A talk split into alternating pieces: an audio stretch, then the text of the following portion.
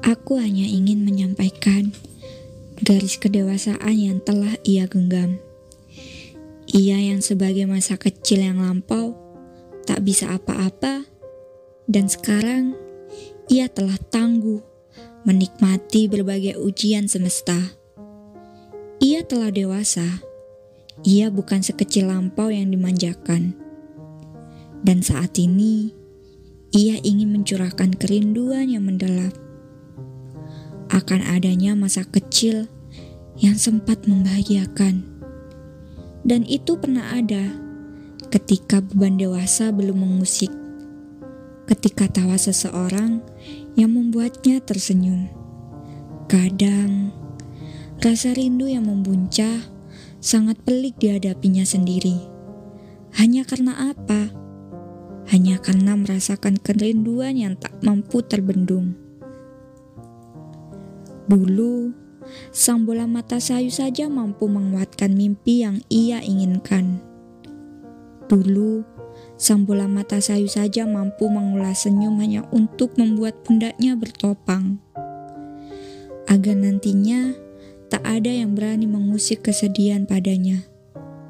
Dan kini saja, ia hanya bisa merapal kalimat doa.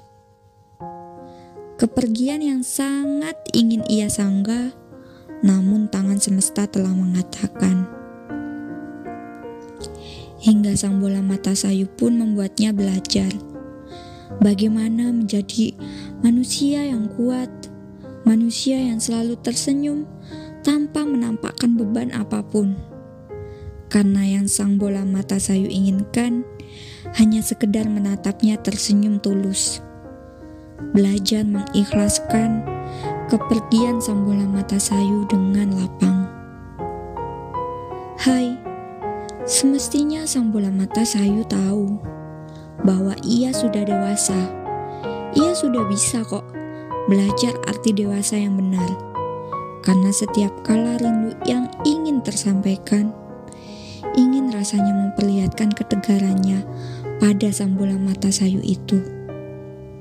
Karena sang bola mata sayu menginginkan yakni melihat anaknya kuat menghadapi kepelikan tanah semesta yang penuh tanda pertanyaan.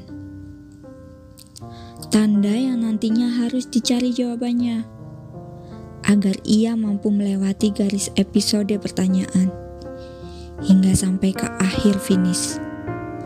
Buat kedua mata sayu yang selalu ia rindukan, terima kasih atas semua pembelajaran tentang ketegaran yang telah diajarkan padanya. Terima kasih atas beribu kebahagiaan yang terlewatkan, tercipta untuk mengisi kenangan. Sekarang ia tahu, tegar bukan berarti terlihat mengesankan. Ia hanya tak mau menampakkan segala tangis pada mereka. Katanya, sudah cukup biar ia saja yang menyimpan dan mencurahkan segalanya pada Sang Kuasa. Ah, sebenarnya ia benci berkata ini. Harus menangis rindu karena ketiadaan seorang yang mendekap di hati. Tapi satu yang ingin ia sampaikan, semoga kedua mata sayu itu tenang di sana. Karena saja ia tahu bahwa kedua mata sayu telah bahagia bersama Sang Pencipta. Dan ia sempat menitip pesan bahwa ia di sini gak apa-apa kok, karena anak sang kedua mata sayu itu di sini baik-baik saja.